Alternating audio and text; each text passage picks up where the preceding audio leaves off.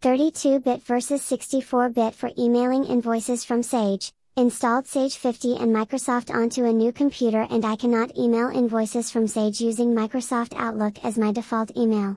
Microsoft was installed as 64-bit.